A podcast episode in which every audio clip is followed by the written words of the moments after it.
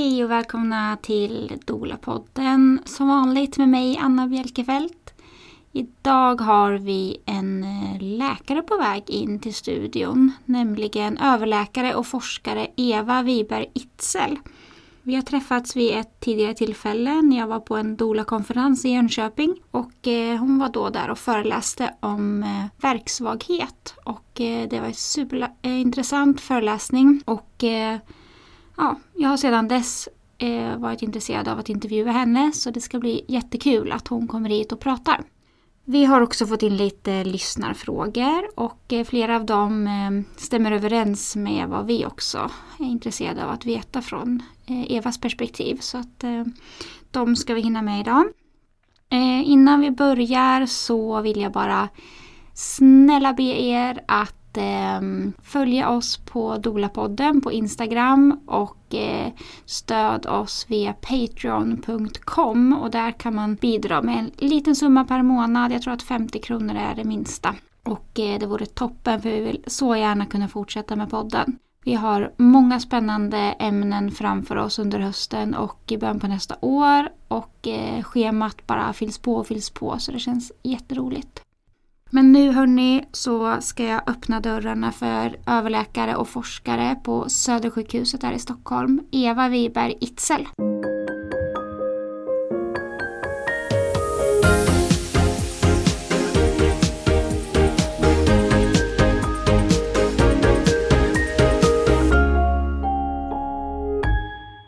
Hej Eva och välkommen! Tack! Vill du börja med att berätta lite vem du är och vad du sysslar med? Jag är överläkare på förlossning på SÖS eh, som ju är en av Sveriges största förlossningskliniker. Och jag eh, jobbar idag 50% och forskar 50% på Karolinska institutet. Eh, och jag, ja, jag är docent, jag är lektor, jag har en stor forskargrupp, jag driver många obstetriska projekt. Så spännande! Vill du berätta lite, har du alltid liksom vetat att du ville jobba med det här eller hur kom du in på det här området? Alltså läkare eh, visste jag nog ganska tidigt att jag ville. Men av någon anledning så i ganska tidigt, termin ett, termin två, så tyckte jag att det här med kvinnosjukvård var spännande. Mm. Och sen har det liksom hängt med under hela utbildningen så så fort det var någonting som handlade om kvinnor så tyckte jag att det var jättespännande. Mm. Och sen när jag var precis nyfärdig, det var 1986, det är alltså jättelänge sedan. Mm. Eh, då fick jag en chans att börja på Södersjukhuset. Och då var jag ung och grön och olegitimerad. Mm. Så det var så det började. Mm. Du var aldrig inne på att bli barnmorska eller jobba inom något annat eh, område? Liksom, inom Nej, jag hade liksom en dröm. Det var det ja. redan från början. Mm. Så att eh, jag tog mig dit mm. ändå. Mm. Eh, och idag ska vi prata om verksvaghet, någonting som har pratats ganska mycket om eh, upplever vi inom den här världen eh, de senaste åren. Vill du berätta lite vad, hur man definierar verksvaghet? Alltså, verksvaghet är något jättevanligt och det innebär att förlossningen går inte framåt så som vi, eller så som vården har sina regler. Jag är lite tveksam till det men det kanske mm. vi kommer att prata om sen. Mm. Eh, och verksvaghet är något som drabbar ungefär 20% av alla, framförallt förstföderskor. Mm. Så det är jättemånga kvinnor varje år i Sverige som får diagnosen verksvaghet. Mm. Och eh, hur definierar man det? Vad finns det för definition? Ja, det är lite intressant. Jag har ju då drivit projekt eh, runt i hela världen egentligen och eh, det finns ingen riktig definition egentligen. Eh, I Sverige så har vi tidigare sagt att om förlossningen har stått still i två timmar eh, så anses den vara verksvag. Mm. Idag har man ändrat det till tre timmar. I vissa delar av världen har man fyra timmar och mm. andra delar av världen har man sex timmar. Mm. Så det finns ingen, så att en kvinna som är verksvag i Stockholm är det inte i London till exempel. Nej. För att definitionen inte finns. Mm. Vilket är jättekonstigt. Men är det olika på olika sjukhus här i Sverige också? Alltså vi försöker ju, SFOG heter ju vår organisation och den försöker ju ändå på något sätt rik, likrikta liksom att det ska ja, att vi ska tycka likadant. Fast mm. det är ju fortfarande så att jag hanterar det säkert annorlunda mot vad en nyfärdig eh, förlossningsläkare gör. Mm. Det handlar lite om erfarenhet också. Men vad tänker man då ska hända på två timmar? Är det öppningsgrad eller nedträningsgrad? Eller Bägge delarna. Ja. Eh, Framförallt öppningsgrader. Ja. Det finns ju någonting som heter partogram som är ett slags dokument som konstruerades i mitten på 50-talet. Eh, som då, där räknade man alltså matematiskt ut hur det skulle öppna sig. Det säger sig själv att så är det ju inte. Eh, men det är liksom det man använder i världen. Men då finns det då hur många olika sådana här partogram som helst. Mm. Så att ett partogram vi använder i Stockholm använder man inte i andra delar av världen. Nej. Vi pratade med barnmorskan Lisa Svensson här för några veckor sedan och också om det här att man har ändrat att det inte behöver gå en centimeter i timmen. Har du någon tanke kring det? Jag vet inte. Alltså, det är klart att det inte går en centimeter i timmen. Vi, vi, vi, sysslar ju med människor och det, det är en stor skillnad Mm. eh, förstås. Men samtidigt var det här ett sätt man räknade ut för att liksom ha någonting att gå efter. Mm. Tror jag. Eh, men en centimeter i timmen, det tror inte jag på. Att det skulle gälla alla rakt av. Nej. Liksom. Nej. Utan att man mer liksom ser till den enskilda Kvinnan. individen. Ja, Mm, precis. mm. Men om man bedömer att kvinnan är verksvag då efter två timmar och öppningsgraden och det här inte har liksom påverkats eller det har hänt någonting. Vad vill man göra då? Alltså idag så säger man ju då att, att man ska stimulera. Mm. Och då kopplar man ett verkstimulerande dropp med oxytocin. Eh, och det är ju det jag har jobbat mycket med och funderar mycket över det här att eh, andra läkemedel vi ger idag det anpassar vi ju efter hur stora kvinnan eller mannen är, Mm. vikt och så. Vad det gäller oxytocin så gör vi likadant med alla. Mm. Vi har samma dos, vi har samma sätt att stimulera rakt av. Mm. Och det finns liksom ingen individuellt tänk i det här. Nej. Vilket jag tycker är jättekonstigt. Mm. Men, och, och som sagt oxytocin är ju ett av de mest potenta läkemedel du, vi har. Mm. Och det mest vanliga vi använder liksom inom förlossningsvården. Mm. Och hur fungerar det här eh, verkstimulerande oxytocinet? Du menar hur det funkar på... Ja, vad, vad händer med kvinnan och livmodern? Alltså tanken är ju då att, att det ska bli mer regelbundna och kraftigare verkar. Det är ju Mm. det som är målet. mm. Men jag tror inte att det är så enkelt faktiskt. Nej. Och jag har ju gjort en del studier också som visar att oxytocin påverkar ju kvinnan på lite andra sätt Mm. också. Eh, så att jag tror att man måste nog Alltså det är konstigt. Eh, kunskapen, eh, ox- oxytocin kom ju för att användas inom förlossningsvården någon gång i mitten på 50-talet. Mm. Och det är jättekonstigt att, att det liksom inte har hänt så mycket mer efter det. Att man Nej. inte känner till mer hur det, hur det påverkar. Nej, vad tror du att det beror på?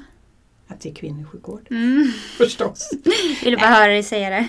Nej men så är det nog Mm. faktiskt. Det är friska, för det mesta, eh, kvinnor som när de har fått sitt barn så är de glada och nöjda. Det är Mm. få som protesterar. Mm. Det är visserligen en grupp som kan höras, det hörs, hör vi ju idag om inte annat runt i vården, att man protesterar. Men, men, men jag tror att när man har fått sitt barn och så, så är man ganska glad Mm. och funderar inte så mycket mer. Nej. Eh, kan du, är det liksom någon skillnad på det syntetiska oxytocinet och det kroppsegna? Det tror jag. Mm. Alltså det, det, det vet man ju kanske inte eftersom det inte gjort så mycket men, men eh, det, alltså det syntetiska ger vi ju som dropp Mm. utifrån. Det andra handlar ju mycket om samspelet inom kroppen. Mm. Så att eh, det är säkert skillnad. Mm. Ja, för Kerstin Nynäs Moberg pratar ju om att det är samma molekylära sammansättning Exakt. men att det liksom pikar på ett annat sätt Mm. med det här Och att syntetiska. man ger mer kontinuerligt. Ja, Eh, för annars det liksom som, så som det funkar i kroppen så kommer det ju med, med ja, eh, toppar. ja, pulsationer Medans- på något ja, sätt. Medan det annars ger vi ju kontinuerligt. Liksom, Ja. hela tiden. Ja. Man har försökt, vet jag, konstruera droppräknare och sånt Mm. här för att kunna ge det mer likt men det har liksom aldrig riktigt funkat. Det känns som att det inte borde vara omöjligt. Det är jättekonstigt. Mm. Men hur kommer det sig då, tror du Eva, att så många får eh, den här eh, vad ska man säga, diagnosen eller vad säger man, verksvaghet?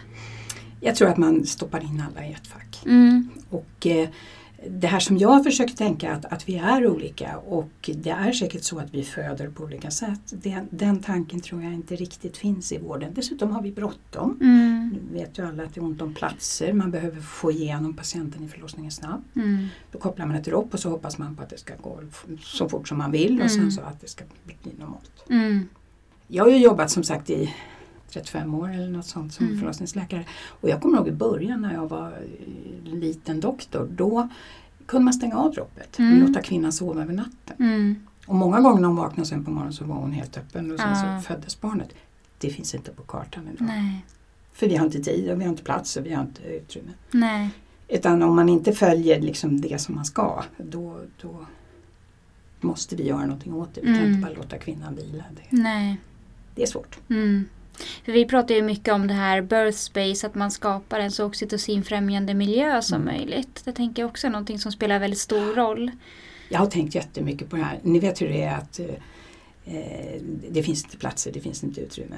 Det vi gör ofta är att säga till kvinnan, jag kom in och så får hon sitta på en stol och vänta. Mm. Och så springer folk förbi och jag har Mm. inte tid och det finns ingen plats och kan du sätta dig i väntrummet och sådär. Om man, om man pratar om att man ska främja oxytocinfrisättning då är ju det verkligen tvärt emot. Ja. Och vi vet ju att när adrenalinet går upp, det vill säga att man blir rädd, då går oxytocinet ner. Mm. Så många kvinnor när de kommer in till oss, de, de verkarna försvinner helt Ja. direkt. Liksom. Mm. Och det, det, Och jag tänker vad händer med kvinnan då? Att då känns det som, eller jag upplever att många tänker att det är något fel på kroppen. Jag har mycket mottagning, träffar många kvinnor efteråt. För vi har lite sådana regler att om man har haft en komplicerad förlossning så ska man träffa en doktor efter förloppet. Mm. Och många av de kvinnorna som kommer de tycker ju då att de är sämre, de kunde inte, de klarar inte. Och, sådär. Mm.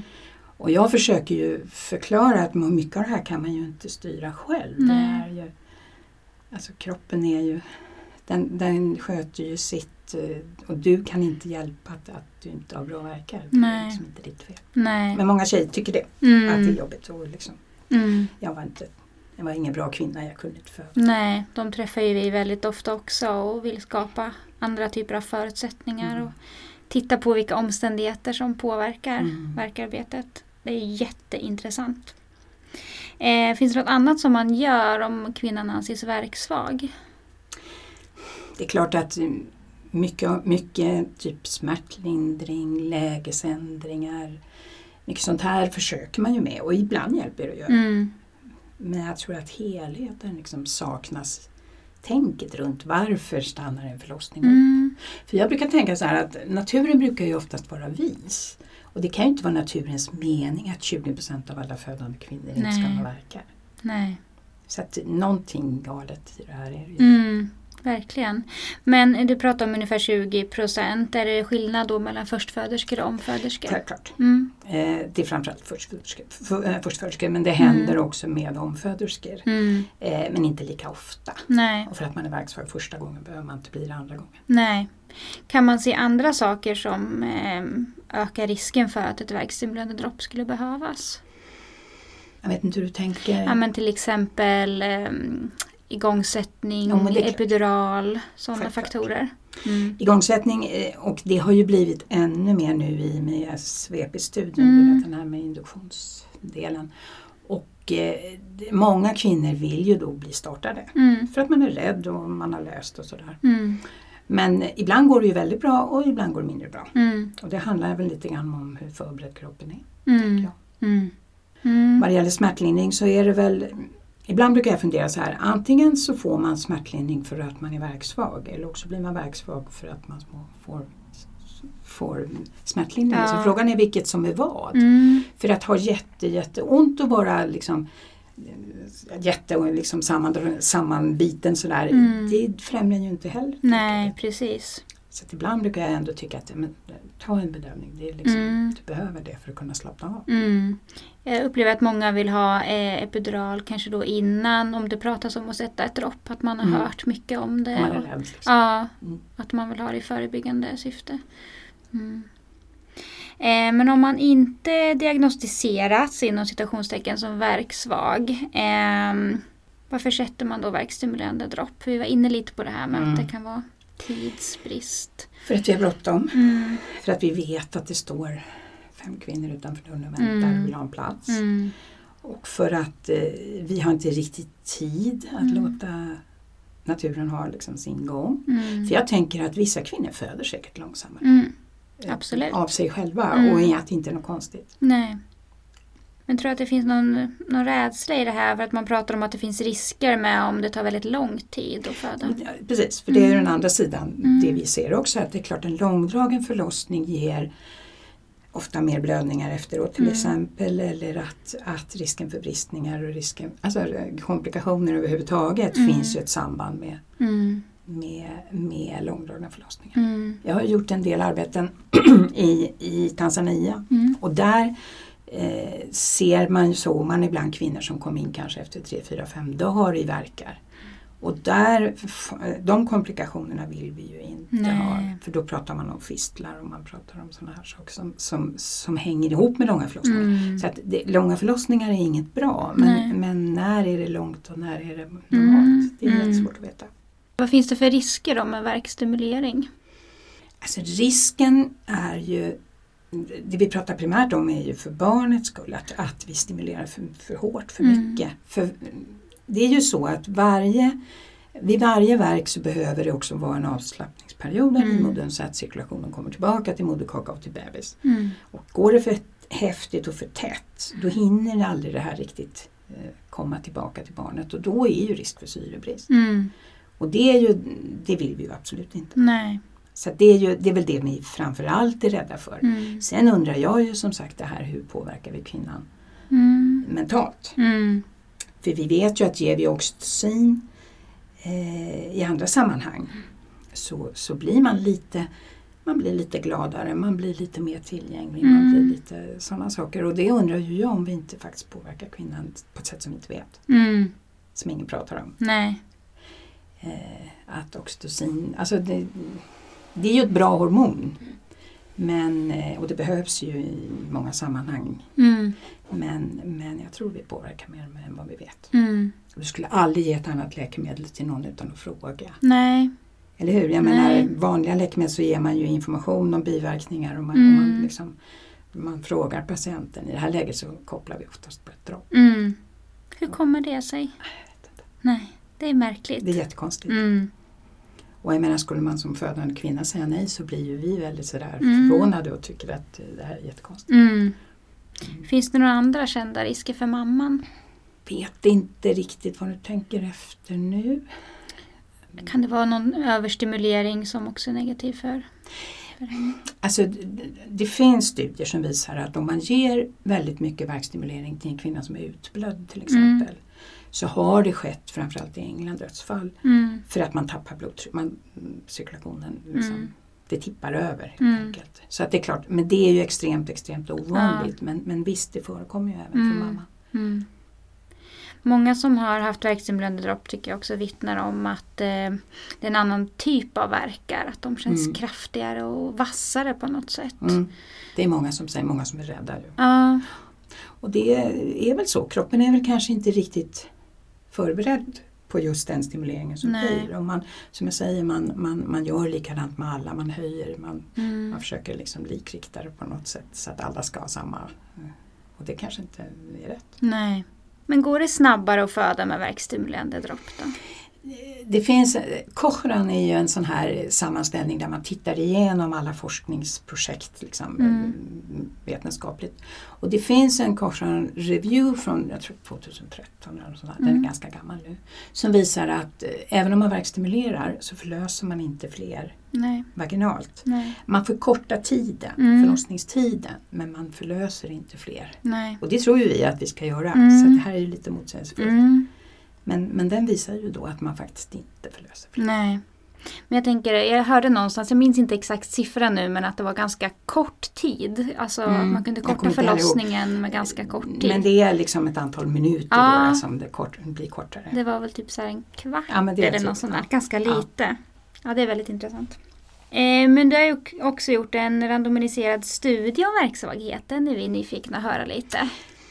Ja, alltså det är ju så här. Jag har ju, om jag tänker nu i 20 års tid, det började typ 2000, så intresserar jag mig jättemycket för eh, livmoderns fysiologi. Mm. Och eh, vad är det som gör att en förlossning stannar upp? Eh, och landade då in att börja mäta livmoderns mjölksyra. Mm. Eh, för livmodern är en muskel och den utsöndrar mjölksyra och, och jobbar den fel och framförallt i syrebrist så utsöndrar den mycket mjölksyra. Mm. Och det är som alla andra muskler, som om man springer maraton, att har man för mycket mjölksyra så orkar man inte. Nej. Och det som har varit min liksom, metod där och det som har, jag har drivit många, många projekt idag, det handlar ju om att eh, via några droppar fostervatten faktiskt analyserar den här nivån. Mm. Eh, och då kan man ju mer objektivt säga att ja, men den här livmodern är utmattad eller inte. En kvinna som föder lite långsammare men som ändå föder normalt, Mm. hon har normala mjölksyrevärden. Mm. Så att eh, man hittar en grupp där som har höga mjölksyrevärden, det brukar vara ungefär 10% av Mm. de som stannar upp. Resten är ju normala. Mm. Men i den gruppen, då funderar man ju, eller jag har i alla fall funderat, vad ska man göra då? då? Mm. Kan man behandla de här på något sätt? För Mm. det vi gör idag är ju att vi kopplar på alla rakt av. Mm. Och då vet jag att de allra flesta av de här har helt normala värden. Mm. Kommer alltså att föda egentligen helt normalt Mm. fast lite långsammare. Mm. Men den här gruppen med höga värden, då, tänker jag, då, då funderade jag mycket då, kan jag göra någonting åt det här? Mm. Eh, skulle vi kunna hjälpa de här kvinnorna på något sätt? Och då, det, det är lite roligt, det, det, är, en- det är en här liten saga, liten Mm. historia. Ehm, jag har mycket studenter som kommer till mig eh, och gör vetenskapliga arbeten för att, för att liksom få ut sin läkarlegitimation eller examen. Och eh, då hade jag en kille, det här är ganska många år sedan nu, som kom till mig och han var, eh, var spjutkastare i landslaget. Mm. Och hans tjej sprang 400 meter. Och då, när jag pratar med idrottsmän om det här med mjölksyra och muskler och så här, då fattar de oftast direkt Mm. vad jag säger. Andra människor har lite svårt att ta till sig det här, men Mm. idrottsmän de brukar fatta. Och när han hörde det här då sa han, åh, varför ger de inte bikarbonat för? Och jag bara, va? Jag har aldrig hört talas om. Jo, han, min, framförallt min tjej som springer. De, idrottsmännen de rör ut bakpulver i vatten och dricker. Jaha, sa jag, "vad- okej, får man det? Ja, och så gick vi in och tittade på Svenska Olympiska Kommittén. Där står det faktiskt som, som kostråd Mm. att 0,3 gram bikarbonat eh, 60 till 90 minuter före träning eller tävling eh, gör att man möter den här mjölksyrachocken på ett bättre sätt. Mm. Ja, tänkte jag, så tänkte jag bakpulver, jag kan inte ge mina födande kvinnor bakpulver, det kräks de, det går ju inte. Så, så började jag fundera, vad, vad, vad, vad kan man tänka sig att ge istället? Och så hade jag en patient, på, en kvinna på, på förlossningen på SÖS, som satt och drack eh, Samarin. Mm. För hon var sur i magen och det hade hon köpt på Ica, Mm. eh, vanligt sådär. Och då knyckte jag bipacksedeln på den där och började läsa och då är det så att en, ett sånt här litet kuvert Samarin innehåller 0,2 gram Mm. bikarbonat. Och då tänkte jag så här, hmm, alltså jag, eh, idrottsmän tar, tar upp till, till eh, 20 gram. Mm. Och tänkte, ja, men om jag tar två sådana här påsar Samarin Mm. och testar. Så då gjorde vi faktiskt en, en randomiserad studie där vi hade 200 kvinnor som, som hade en avstannad förlossning. Mm. Hälften kopplade vi i verkstimulering på direkt som vi ska göra enligt riktlinjerna. Mm. Den andra halvan de fick dricka Samarin Mm. innan och så fick de vänta en timme. För det är så idrottsmännen gör 60 till 90 minuter innan. Mm. Och då eh, fick de dricka det här och så fick de vänta en timme och så kopplade vi droppet efter. Och i den gruppen så förlöste vi någonstans runt 15-20% fler vaginalt. Även fast de hade höga värden av mjölksyra. Mm. Eh, och det är ju så ofta i, i, i vården eller när man forskar att och man pratar evidens och man ska liksom upprepa alla projekt och sådär. Den studien har fått ett genomslag i hela världen. Mm. Fortfarande, det här är nu ett antal år sedan jag gjorde den där, och fortfarande idag så hör folk av sig Mm. Och tycker att det här är fascinerande. I Norge nu börjar man göra en, en, en, en ganska stor studie där man vill testa det här. Och nu, precis nyligen fick jag kontakt med någon grupp som, som skulle göra ett arbete i Tanzania Mm. som också ville testa det här och framförallt då tänka i tredje världen där, där jag, som jag sa förlossningar kunde Mm. hålla på i tre, fyra, fem dygn. Mm. Om man skulle kunna hjälpa de kvinnorna på något sätt. Så att det, har, det fick en jättestor genom, genomslagskraft. Gud vad roligt. Och lite, lite läskigt också. Va? Mm. Om man tänker att man gör en studie och sen så börjar alla tro att man vill ju gärna att det ska upprepas. Mm. Bara för att veta att det stämmer. Mm. Men det är så. Mjölksyrnivån från livmodern sjunker när man, när man dricker samarin. Mm. Det, det varar i ungefär kanske två timmar Mm. eller något. Eh, och då frågar folk, men kan man ge det flera gånger? Mm. Och jag har ingen aning för det har jag inte testat. Nej. Men det är möjligt att man kan. Mm. Samarin är inte farligt. Nej. Det, det påverkar den liksom inte för övrigt. Nej. Men det, är- eh, ibland så hittar man ju saker sådär som bara plötsligt liksom. Så spännande. Ja, men det är lite sådär. Mm. Och att man inte har tänkt så förut. Det, Nej. det är lite spännande. Det är en sån grej som man måste ha som dola i sin dolaväska, samarin. Det vi Okej. ofta till kvinnorna. Och sen jobba jättemycket med miljön då för att de inte Ja. ska bli störda i sin process. Eh, Det är jättespännande att se. Sen är det svårt för oss att veta vad som är vad. Vi Ja, det studerar ju inte på det sättet Nej, men det är många bäckar små liksom, för att bidra till att det Mm. rullar på av sig själv. Ja. Mm. Eh, Men det här resultatet, upplever du att man använder det här på något sätt? Du menar med, med, Med med bikarbonater? Ja. Ja, som sagt, i, framförallt då i andra delar av världen. Ja. Och det är ju lite så också att om man kommer med något nytt så säger ju de flesta vad är det här för något, jag har aldrig hört talas om. Mm. Och är man då på hemmaplan så blir det ännu lite mer taggande Mm. ut. I andra delar av världen så har man ju tagit till sig det här på ett helt annat sätt. Mm. Eh, och det är väl bra. Jag kan ju tycka då att det kanske hade varit bra om vi kunde ta till oss det här hemma också. Mm. Jag vet när BB Sofia fanns till exempel, Mm. att där gav man samarin Just det. Till exempel. Mm. Så att det, har det används och Mm. jag gör det ibland Mm. eh, i vissa, liksom, när jag har någon patient där. Framförallt de här kvinnorna som säger redan från början att jag vill inte ha ett kejsarsnitt. Nej. Och då tänker jag, kan man hjälpa dem mm, åtminstone till ett försök till en normal förlossning Mm. så är det väl, eftersom det är ofarligt. Det Mm. är liksom inget som Mm. påverkar. Men åh, man önskar ju verkligen att det här blir me- mer implementerat och att det var lite mer erkänt. Ja, Eh, och förhoppningsvis blir det, om den här stora studien i, Ja. i Norge till exempel går igenom nu så kommer det ju säkert. Mm. Och jag var vid något tillfälle i, i, i London på St. George's som är ett av deras stora sjukhus. De har till och med gjort eh, egna bikarbonattabletter Mm. som de ger sina kvinnor. Så att det, det, det finns på en del ställen i världen. Det är bara vi som är lite, ja, Mm. man, ibland säger de man blir inte professor i sitt eget hus. Och det är så, Nej. lite grann. Men åh, jag undrar verkligen varför det inte är implementerat. Eh, det är fortfarande sådär när vi tar fram det i våra doula-väskor så är det som att man vill fråga så här, är det okej att mamman dricker det? För att det är liksom, man, vem som helst kan ju köpa det. Jo men det är ju, du köper på ICA Ja. liksom. Det, är- det är ju absolut inget farligt. Det är inget receptbelagt liksom. Eh, men hur kan man som gravid eh, tänka eller liksom använda sig av den här informationen under förlossningen? Då när studien gick Mm. då, hade, då spred sig det här bland, bland kvinnorna. Så att ibland kom det in kvinnor och sa oj jag har druckit samarin hemma. Och jag Mm. bara, "Nej, men oj, liksom hjälp. så att det, alltså det är ju inte farligt. Nej. Så att känner man att man vill så visst, visst. Mm. Och det påverkar inte liksom, det påverkar inte barnet, det går inte över till barnet via navelsträng och så. Däremot så när vi gjorde studien så såg vi att barn till samaringruppen mådde bättre än barn i den andra gruppen. Mm. Och det tror jag beror på att man eh, påverkar eh, både moderkaka och, och livmodern på ett positivt sätt. Mm. Vilket då gör att, att miljön för barnet blir bättre. Mm. Så att det, det går inte över till barnet men det gör miljön bättre vilket gör att barnet mår bättre när det föds. Mm. Men de här som fick dricka samarin var det många av dem som också fick ett värkstimulerande dropp? Ja, alla fick egentligen. Alla fick, mm. Inte riktigt alla, för det var, det var lite roligt. Om man gav samarin så skulle de ju vänta en timme. Mm. Och under den där timmen så var det en del av kvinnorna som fick egna verkar och liksom kom igång. Ja. Så att jag var flera gånger när barnmorskan stod med droppet i handen och bara men, Mm. men, men jag skulle ju koppla det här Mm. droppet. Jag bara, jag tror inte du behöver det, hon verkar föda nu. Mm. Så att det, ja.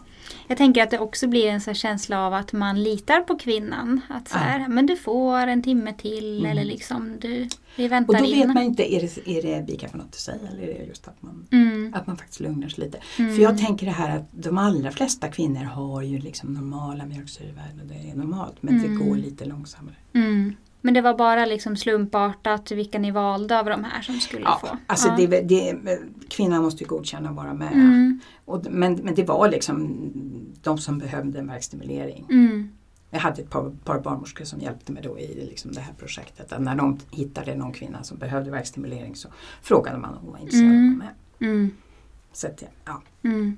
Eh, vi har fått in lite lyssnarfrågor också och eh, den ena där var hur, eh, hur man liksom kopplar det här droppet och hur eh, man ökar på. Hur ser liksom processen ut?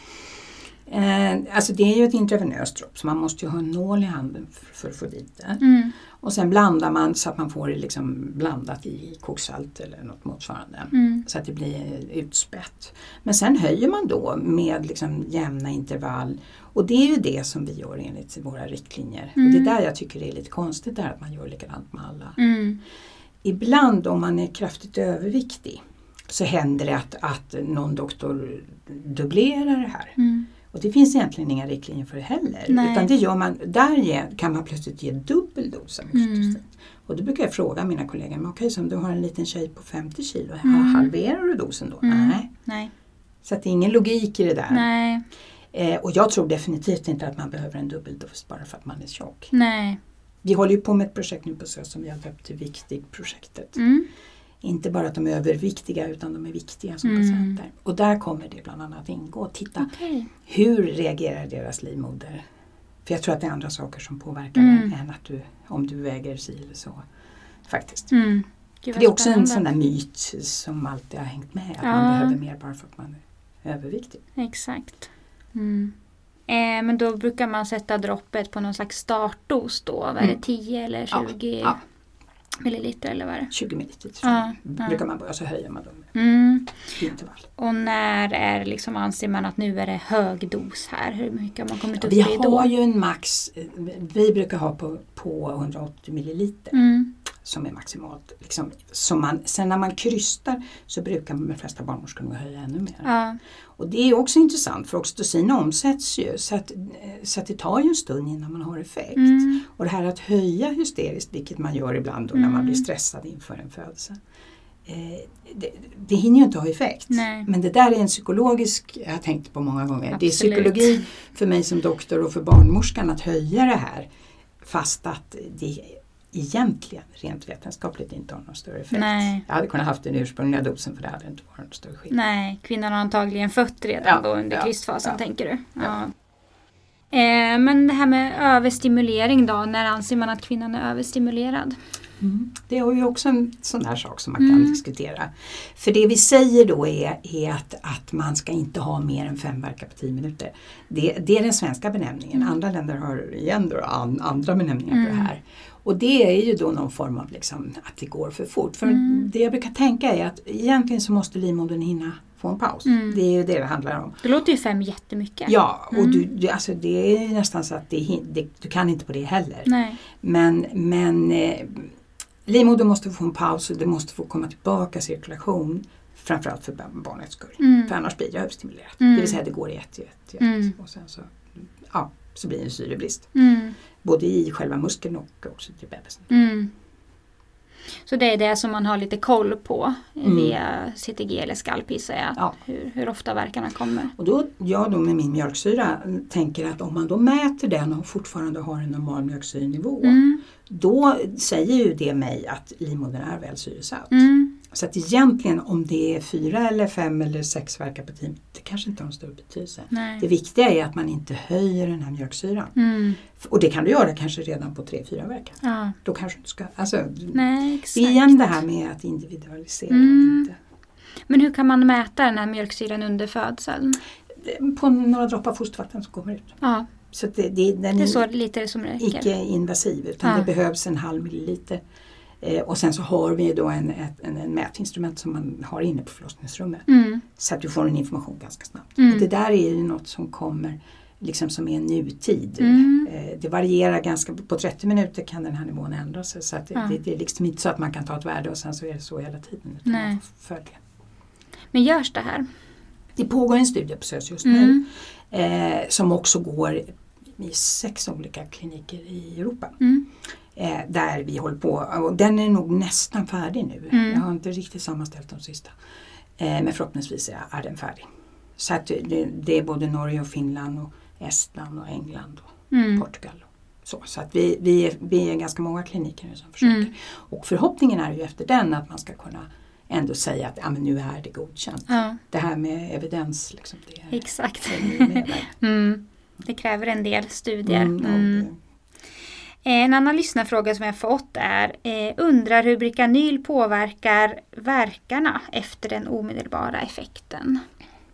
Ja, alltså Bricanyl eh, tar ju bort verkar, slår ju ut verkarna. Det verkar ju eh, inte för evigt Nej. utan det, det, det, det påverkar typ 20 minuter. Mm. där. Ibland så måste man ge Bricanyl. Alltså Mm. om, om man har överstimulerat av någon orsak och bebisen reagerar. Det är ett sätt att ta bort verkarna Mm. för att liksom syresättningen ska komma tillbaka. Mm. Eh, och jag tänker ju ibland också att om man har höga mjölksyrenivåer i, livmodern, om man kunde ta bort verkan under en period så kanske cirkulationen skulle komma tillbaka. Ja. Men, men samtidigt så, så vet man ju inte riktigt hur blir verkan efter. Det är väl det som Mm. den här lyssnaren undrar. Mm. Att blir det verkligen normala verkar efter? Mm. Och det, det är tveksamt. Alltså, Ja. eh, Åtminstone i precis anslutning till. Mm. Men ibland så är det ju nödvändigt. Men är det då att man vill hjälpa livmoder, liksom som musklerna Mm. att slappna av? Precis. Ja, och det är den effekten som det ger. Mm. En annan var ju hur man bedömer verksvaghet, men det tycker jag nog att vi har varit inne på. Och att det är så olika. Mm. Vilket är jättekonstigt. Mm. Att just det här att en, en kvinna i London är inte verksvag. Fast hade hon bott i Stockholm så hade hon varit det. Mm. Det säger vi nästan allt om att det faktiskt inte Mm. finns.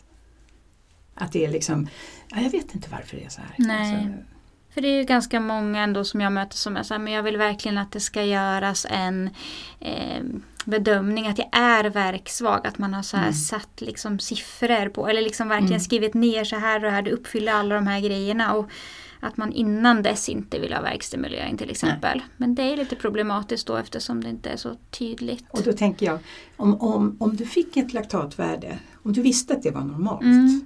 Då skulle du kanske kunna vänta. Ja, faktiskt. Men Ja. är det högt, ja och då kanske du inte ska stimulera heller utan Nej. då kanske du ska som sagt fundera på att göra något annat. Mm. Ta lite bikarbonat, hitta på något, eh, ändra läge. Mm, Ja, försöka liksom lugna ner livmodern och kvinnan. Mm. För ofta känns det som att kvinnan får höra att hon har verkan men de är inte Mm. tillräckligt effektiva. Mm. Det där är ju någonting som Mm. retar mig. Ja. För att jag tänker att det påverkar kvinnan så väldigt mycket mentalt Mm. att få höra det. Att du har många verkan men de, inte, de gör inte tillräckligt mycket. Mm. Och jag då med min, med min fysiologi och min, min lakt, mina laktat och det här, så då kan jag, ibland upplever jag att jag kan förklara för kvinnan på ett annat sätt. Mm. Att din livmoder är utmattad. Mm. Det är som att springa ett maraton när du är jätte, jättefull av mjölksyra och trött. Mm. Och, och det spelar ingen roll. Du skulle ju aldrig säga till någon som springer maraton att nu ska du springa ett varv till, men du ska springa ännu fortare. Precis. Det gör ju inte Nej. Nynäsman. De, de vilar ju.